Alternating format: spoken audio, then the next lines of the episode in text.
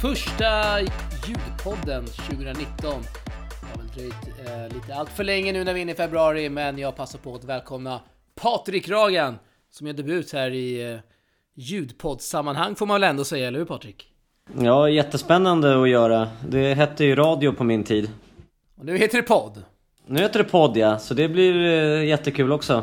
Tekniken går framåt. Vad har du gjort här sedan uh, juluppehållet här, lite kort? Ja, men det har varit mycket fokus på tennis och, och hela den här Australien-säsongen och jag har själv befunnit mig i Sydafrika och följt mycket därifrån. Nu är jag hemma och, och fokuserar här på den här, eh, vad ska man säga, busy februari som är den månad som består av flest ATP-tävlingar. Kul att höra och vi eh, vi ska inte prata så mycket ATP-turnering utan vi ska framförallt summera Sveriges senaste Davis Cup-match borta mot Colombia som tyvärr blev en förlust och sen ska vi också blicka framåt här mot eh, damernas Fed Cup som börjar nu redan nu på onsdag. Men vi, eh, vi pratar om eh, Sverige, eller förlåt, Colombia-Sverige där i Bogotá. Det blev 4-0 totalt, även fast den sista matchen inte räknades. Så vi kan säga att det blev 3-0 till Colombia, de vann varje match. Vad är din summering där Patrik? Ja, och de här matcherna dessutom så togs det ju inte speciellt många gem i varje match heller. Det var väl egentligen bara dubbeln som man spelade, spelade bra i och hade lite, lite häng. Annars så kan man ju inte annat säga än att det blev rätt så stor utklassning. Kan man säga att det var en flopp? Kan man sträcka sig så långt? Ja, men det tycker jag ju att, det tycker jag att, att man kan säga att det var. Eh, Sådana krav eh, tycker jag att man ska kunna ställa att Sverige ska kunna vinna en match en sån här match mot Colombia där, där samtliga singelspelare i alla fall var, var bättre rankade än motståndarens och rätt så rejält också och haft bättre resultat eh, sista tiden och även eh, på, på det här underlaget där Colombias eh, spelare inte haft så mycket framgång sista tiden även om Giraldo var, har varit eh, bra rankad tidigare så har han ju inte varit det de senaste åren. Men eh, samtidigt bortaplan och hög höjd och, och grus så, så är det såklart att, att anledningen till att matchen spelades där den gjorde är ju för att de eh, colombianerna är mer vana vid sådana här typer av förhållanden. Ehm, och såklart eh, spelat in sig eh, sedan långt innan. Svenskarna, jag vet inte när de kom dit men det var väl helgen innan va? Så de har haft den hela veckan och spelat in sig ändå så man kom ju inte dit dagen innan direkt. Nej, men kanske skulle haft en vecka till, eller är det lite för mycket kanske inför en Davis Cup-match? Eller i alla fall fyra, tre, tre, fyra dagar till. Ja, kanske det. Det vet jag inte hur mycket det hade hjälpt, men Elias Elias spelade ju en Challenger veckan innan, inomhus ju. Tycker ändå inte att eh, Colom colombianerna hade stor fördel i och med att de hade just sin match på höjd och nästan 3000 meter över havet? Jo, det, det är klart att de hade fördel av den aspekten, men, men samtidigt så är ju svenskarna eh, bra. Jag menar Elias har ju vunnit många av sina Challenger-titlar på grus också och kan underlaget och har eh, slagit bra spelare på det. Så att därför tror jag att man hoppades att det, att det skulle gå lite bättre. Ja, och eh, trycklösa bollar där från eh, tre torn, eh, ironiskt nog också, spelades, spelades det med. Ja, men precis. Så det är lite andra förhållanden, eh, lika för alla dock. Men och de här bollarna har de väl spelat in sig också i en veckas tid. Så att jag vet inte hur, hur, hur, mycket, som, hur mycket som krävs för att, eh, för att man ska, ska säga, hitta träffen och, och eh, feelingen. Eh, hur många dagar innan man, man behöver träna och så. Och hur svårt det är att komma, det är lite jetlag och lite andra förutsättningar. Och sen har man ju publiken emot sig också. Jag vet att det var lite irritationsmoment också. Och det är ju såklart en del av charmen med Davis Cup. Det är det vi kommer sakna så mycket framöver. Ja, verkligen. Vi ska strax ringa upp Marcus Eriksson och fråga lite om hans intryck här från eh, veckan i Colombia. Men också fråga vad han tycker om eh, kommande Davis Cup. Att man just kör en man kör en turnering under en vecka i Madrid. Man tar bort det här med hemma borta och fem set och hela det kalaset. Eh, Sverige missar ju det, som sagt, som du var inne på. Vad, vad känner du kring det?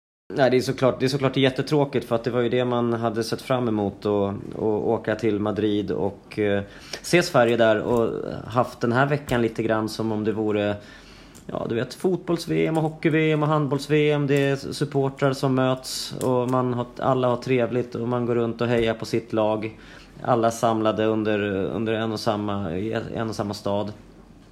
Hade varit superhäftigt verkligen. Eh, och eh, nu får Colombia göra det där istället. Fast jag tror att Sverige i Madrid hade lyckats bättre än vad Colombia kommer göra där. Så det är såklart jättetråkigt och nu är det ju lite ovisshet här nu på, på vad som händer i, i nästa steg då där det ska spelas en eh, kvalmatch. Yes, och vi vet väl ändå att det eh, blir en eh, playoff va? Och om Sverige vinner det så har man chansen på att spela slutspelet nästa år. Ja, exakt så. Och eh, där är det, jag vet inte, det där, det där ska ju lottas och det ska sidas och, och eh, allt vad det nu är. Så det blir ju, jag menar mot något av de här förlorande lagen ur, eh, ur den här omgången som har varit. Så att jag antar att det, det, det är väldigt, väldigt många bra lag men de blir sidade så att Sverige kanske slipper dem. Jag tänker på Österrike, Tjeckien, eh, Schweiz med rätt spelare. Eh, så att det, det är ju Uzbekistan alltid starka i Davis Cup. Så det, det är många bra lag där att, att kunna få möta också. Men det här blir ju lite märkligt eh, att Sverige inte spelar turneringen i och med att det annonserades ut från förbund att Sverige var klart för elitdivisionen när man vann mot Portugal och det här tog ju också de större medierna vidare. Men så var ju inte fallet. Nej, det, det är dåligt. Man har ingen riktig koll på det där uppenbarligen. Sverige har varit så, vad ska man säga, bra de senaste, de 6-7 landskamper i rad man har vunnit. Så man har blivit lite bortskämd att det faktiskt har gått bra mot de här så kallade sämre nationerna. Man har fått med sig många viktiga eh, femsetsmatcher och, eh, och, och framförallt avgörande matcher då.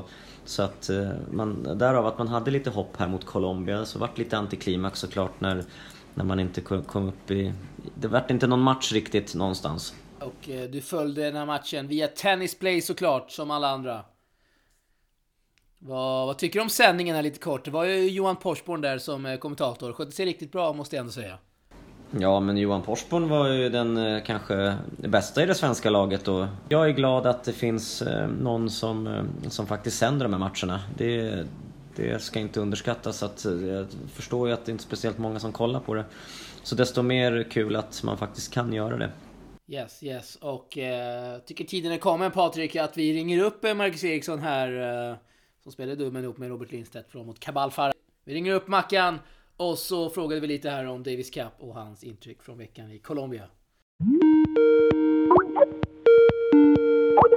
Eh, jag tror vi har Mackan Eriksson med oss i samtalet. Eh, Marcus, hör du oss? Ja, jag hör er. Tjena. Fantastiskt. Välkommen till podden eh, Marcus Eriksson. Hur är läget med dig just nu? Jo då, det är väl okej. Eh, ingen rolig resa i Colombia, men eh, det är bara att kriga vidare. Du får berätta lite här. Hur, hur länge har du varit hemma framförallt här i Sverige? Jag kom igår kväll. Vi flög samma dag som sista matchen där, så eh, tog väl en 17-18 timmar hela vägen hem så ja, vilat idag bara. Det måste varit en eh, hyfsad ångestlandad eh, hemresa kan jag tänka mig. Ja, nej det var inte kul alltså. Eh, vi hade ju såklart hoppats på mer men eh, så blir det ibland. Eh, vi hade ju som sagt sex raka och ja, tyvärr tog det slut där. Vad var anledningen att det blev så? Eh, var det liksom svåra förhållanden med hög höjd och underlaget och bollarna eller? Ja, det hade ju såklart en stor del. Det var, alltså vi har aldrig spelat på något liknande. Eh, bollarna var ju som, alltså det var minitennisbollar utan gas och så 2800 meters höjd. Men som sagt, vi var ändå där ganska långt innan och ja, vi var ju besvikna att vi inte kunde spela bättre. Men de, de var mycket bättre på och anpassa sig tycker jag. Så ja, så är det. Du eh, berättar här kanske i lite detalj vad som skiljer att spela på så pass hög höjd än att spela sig en eh, vanlig grusmatch hemma i Sverige, Båstad. Vad, vad är det som skiljer i spelet framförallt? Eh, det är att den flyger extremt mycket mer. Så fort du slappnar av lite i slagen kan du missa med en 3-4 meter. Jag har aldrig varit med om något liknande faktiskt. Och bollarna, eh, ja, det är som en jättepaff boll är det. Och så banan var väldigt mjuk, alltså studsar väldigt lågt. Eh, ja, så det är väldigt mycket som är annorlunda framförallt. Eh, och de, eh, de spelar ju på det mycket oftare, det, flera av dem som bor där så Ja, nu vet vi det till nästa gång i alla fall. Och eh, vad kan du säga om den colombianska hemmapubliken? Eh, fanns det något missnöje mot dem eh, ibland? Nej, det tycker jag inte. Det var väldigt fair. Eh, kul att spela framför mycket folk. Eh, de var väldigt passionerade och jag tyckte de ändå applåderade hyfsat till oss också om vi gjorde någon bra boll. Så det, det var inget man själv störde sig på i alla fall.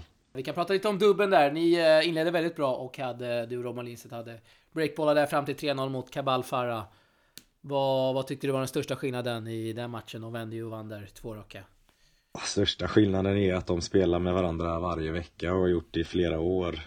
Plus att de är eh, topp 10 i världen. Eh, jag, jag och Robban och, ja, fick ju bara träna liksom några dagar innan där ihop och spela två matcher tillsammans. Plus att jag spelar ju mestadels Future och Challenger så Ja, det är ju det som är skillnaden. Hade jag också spelat ATP-matcher varje vecka så hade jag anpassat mig lite mer till tempot. Eh, de var väldigt snabba framme vid nät, eh, servade väldigt tungt och djupt hela tiden och gjorde det svårt för oss. Eh, ah, hade vi spelat liksom riktigt, riktigt bra och gjort en av våra bästa matcher så hade vi kunnat vinna men ja, de var snäppet bättre än oss, så var det bara. Och eh, nu missar ni här Davis Cup-slutspelet i Madrid i november. 18 lag kommer ju upp om tävlingen. Vad, vad tycker du framförallt om det här nya DC-formatet med en neutral spelmark och tre, bäst av tre set? Ja, alltså jag gillar ju Gillar ju femsetare som sagt. Eh, har ju spelat många sådana. Jag tycker det är, det är lite charmen med Davis Cup och även hemma och bortamatcher. Eh, är också charmen med med Davis Cup så eh, Nu låter det väldigt mycket här. vad är det som händer där i Göteborg? Ja, det är inte jag. Är det Ragan? Ja. Eh, men vi, som sagt, jag har inte spelat den här nya slutspelet än. Det kanske blir en jättehöjdare, jag vet inte. Men eh, just nu känns det väl sådär. Jag, jag skulle vilja ha tillbaka gamla formatet. Vi har ju läst väldigt mycket missnöje och Robban Lindstedt har ju uttalat sig väldigt kritiskt där mot nya tävling. Har det funnits ett missnöje från er spelare där mot förbundet i och med att de röstade ja till det här nya, nya formatet? Ja, alltså vi, de frågade ju inte oss om hur vi tyckte ens, men eh, det är väl en ekonomisk fråga, eh, antar jag. Eh, som sagt, personligen och jag med flera vill ju liksom ha kvar det gamla, men eh, det är för sent nu, det är gjort, det är gjort och ja, om vi kommer dit så är det bara att hoppas att det blir en bra tävling liksom. Jag vet att Ragan, du är också negativ här mot nya DC.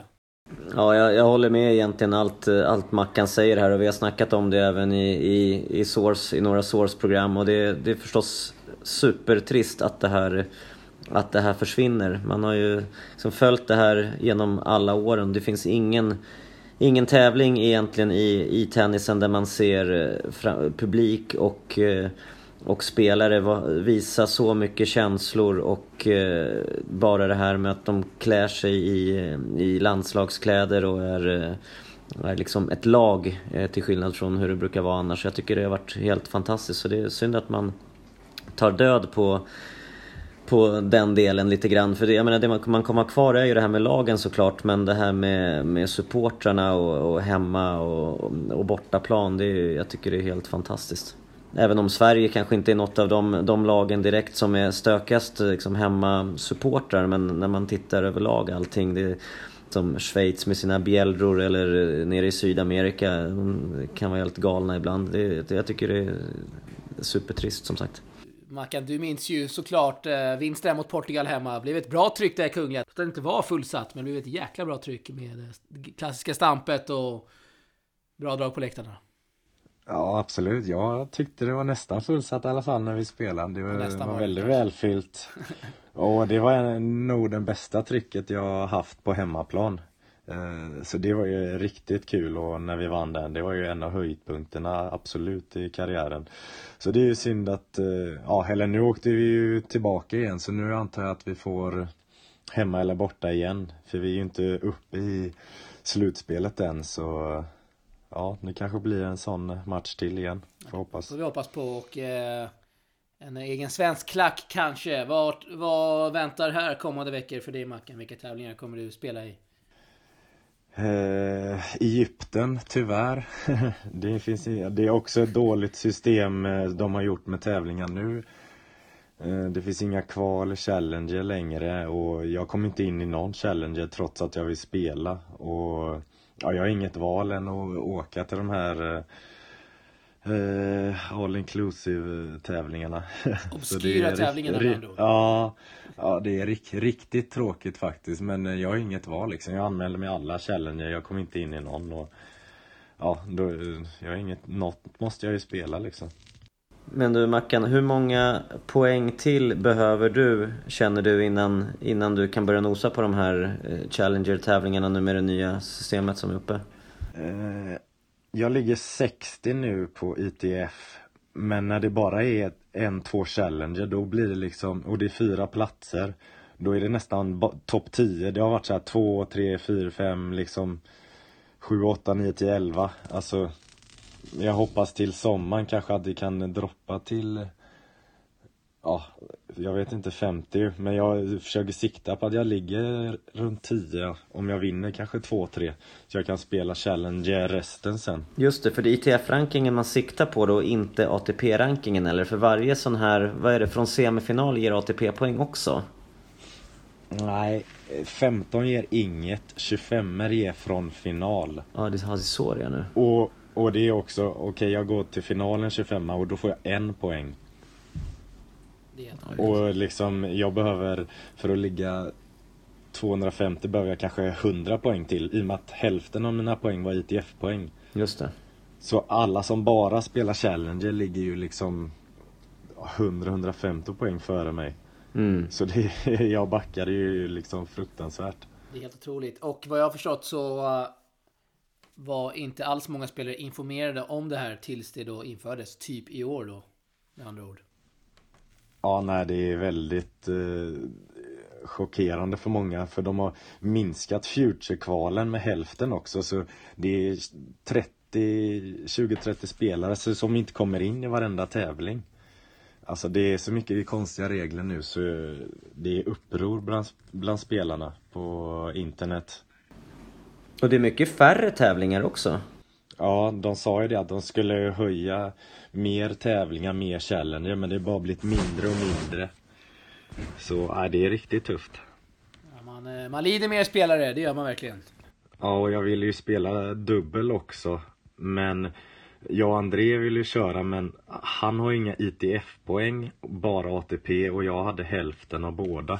Så våra rankingar splittades liksom så vi kom inte in i något just nu heller.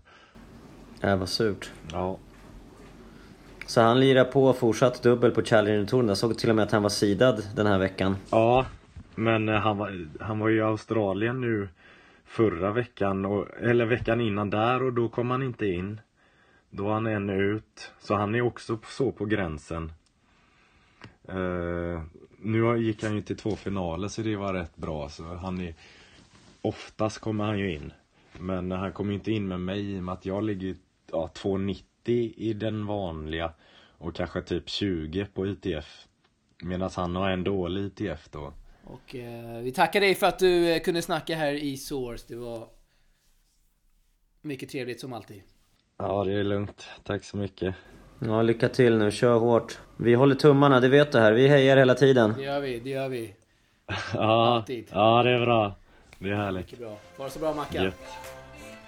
Ja, ha det bra. Hej.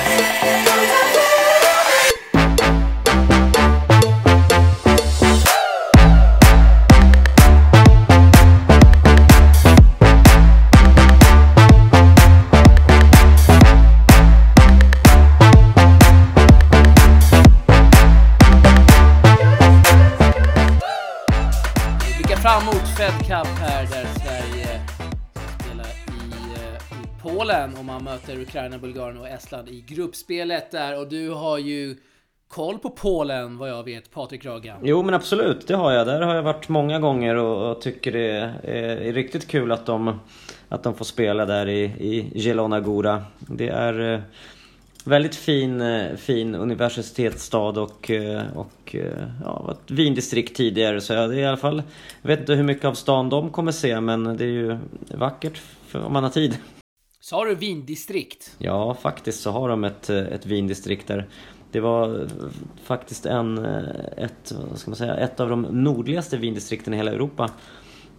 Så att det, ja. Jag vet inte hur mycket vin som produceras där fortfarande dock. Det är inte så, så pass känt såklart. Det är mer, mer speedway och, och pingis som gäller vad gäller sport i alla fall. Men eh, är man vinintresserad så har de, har de ett vin som heter Monteverde som, som produceras där i Gelonagura. Så att eh, vi får väl hoppas att, eh, att det svenska Fed Cup-laget håller sig borta från det där vita vinet i alla fall. Jag skulle precis säga det, de får inte köra några vinprovningar. Kanske om man går långt och tar några segrar här. Kanske man kan fira med det i efterhand, men inte innan. Självklart inte. Eh, Kajsa Henneman är ju inte ens 18 år gammal ska vi ju säga. Hon är ju med i det här Fed Cup-laget tillsammans med Rebecca Petersson, Johanna Larsson, Miriam Björklund och Cornelia Lister. Det är väl det bästa laget som Sverige kan ställa upp med. Får man väl ändå säga.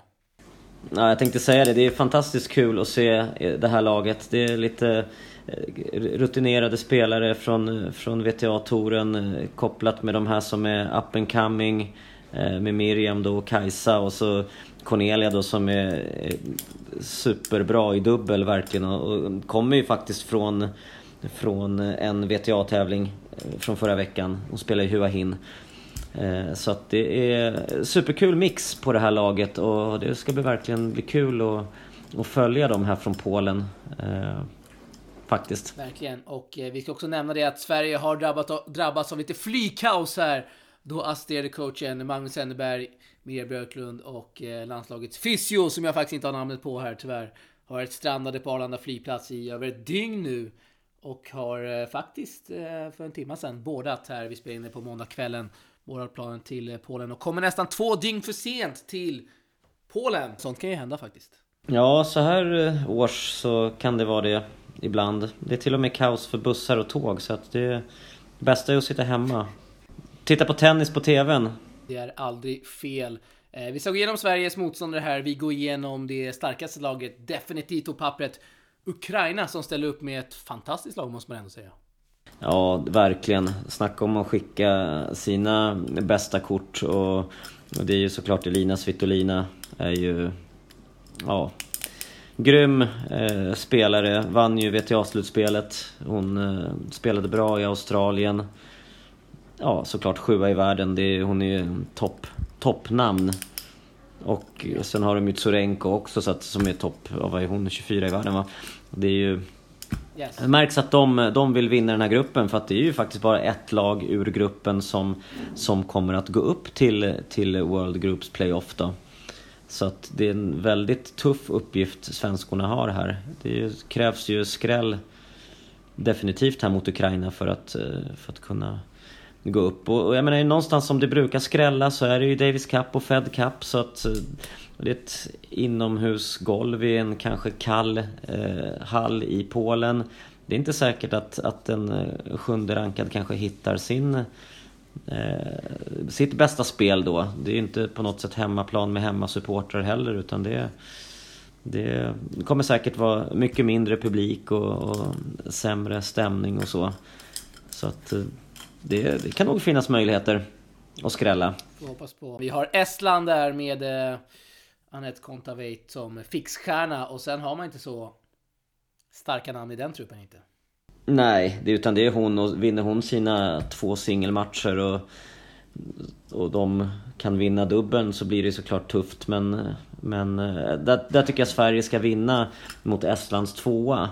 Och även dubbeln såklart. Om Larsson och Lister är ju definitivt bättre än, än de est, estniska tjejerna där. Så att det, det tycker jag, den matchen ska de, ska de vinna. Och eh, gruppens blåbär får man väl ändå säga är Bulgarien. Mm, ja, definitivt. De har ju inte ens en spelare topp 150 med i sitt lag. Så att för dem är det väl strykpåsen i gruppen då, är det så här på pappret. Får verkligen hoppas. Och eh, vi hoppas givetvis på, en, eh, på ett svenskt avancemang, självklart. Vart kan man eh, följa de här matcherna? Blir det fullstream? Eller vet vi vilka som har rättighet, rättigheterna till det här? Ja, det är alltid fulstreams från såna här typer av, eh, av matcher. Det sänds ju inte på någon tenniskanal utan man får ju gå in på internet och, och söka. Det verkar inte som att, att Tennisplay som sänder Davis Cup, de väljer att inte sända den här alltså. Nej, och jag vet inte om det är någon typ av uh, rättighetstvist där som kanske inte uh, går att lösa. Jag ser här på Fed Cups officiella hemsida att Be In Sports är uh, officiella mediapartnern och det kanske är lite rättighet rättigheter som man inte har tillgång till där och Tennisplay kanske, vad vet jag. Mm, det vore så kul att se det här just när de, när de skickar det bästa laget de kan Verkligen. Sverige och så möter man en sån toppnation som, som Ukraina så framförallt det mötet som, som kanske är det avgörande då i, i den här matchen eh, är ju faktiskt, jag tror att de, Ukraina och Sverige kanske möts först dessutom också va? Jag läste att eh, Arv, eh, Mattias Arvidsson där, förbundskaptenen eh, sa att man möter Ukraina först och det får vi utgå ifrån. Och han sa att det mer eller mindre är en, ja, en måste-match om man ska kunna gå vidare. Ja, ja men precis. Och det är egentligen vinnaren av den matchen som man ser ska gå vidare då. Så att det, det blir direkt upp, upp och jobba. Det är klart att det kan bli antiklimax efter en sån här match. Om Sverige skulle förlora mot Ukraina så har man två matcher kvar men kanske inte så mycket sannolikhet att gå upp. Så att på så sätt, klart man hade velat ha den här matchen sist i gruppen. Så att det skulle bli ett direkt avgörande. Eh, onsdag till lördag går alltså de här matcherna. Vi följer givetvis Sverige. Vi kommer rapportera om det här på våra sociala medier och tennisplanen.se. Läs in och läs helt enkelt. Eh, Ragan, vi ska strax runda av här, men vi ska inte glömma att nämna att Johanna Larsson har fått en liten award här i idag på kvällen. Uh, hon fick uh, Fed Cup Commitment Award uh, som ett kvitto på att man har spelat 20 riktiga Fed Cup-matcher. Alternativt 40 matcher inklusive playoff och liknande. Och Johanna Larsson blir den tredje svenskan som får det här priset efter Katarina Lindqvist och Sofia Arvidsson. Och det firas givetvis med en eh, gammal hederlig fanfar här i Source.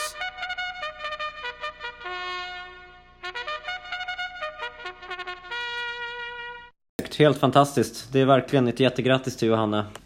Visa vilken grym idrottstjej hon är faktiskt. Hej Johanna och stort grattis till eh, ett ytterst välförtjänt eh, pris för alla dina mm, insatser som du har gjort för Sverige och Fed Cup. Grattis Johanna! Johanna, grattis till det här jättefina priset som du är värd hundra gånger om. Grattis så himla mycket till ditt pris, vad häftigt!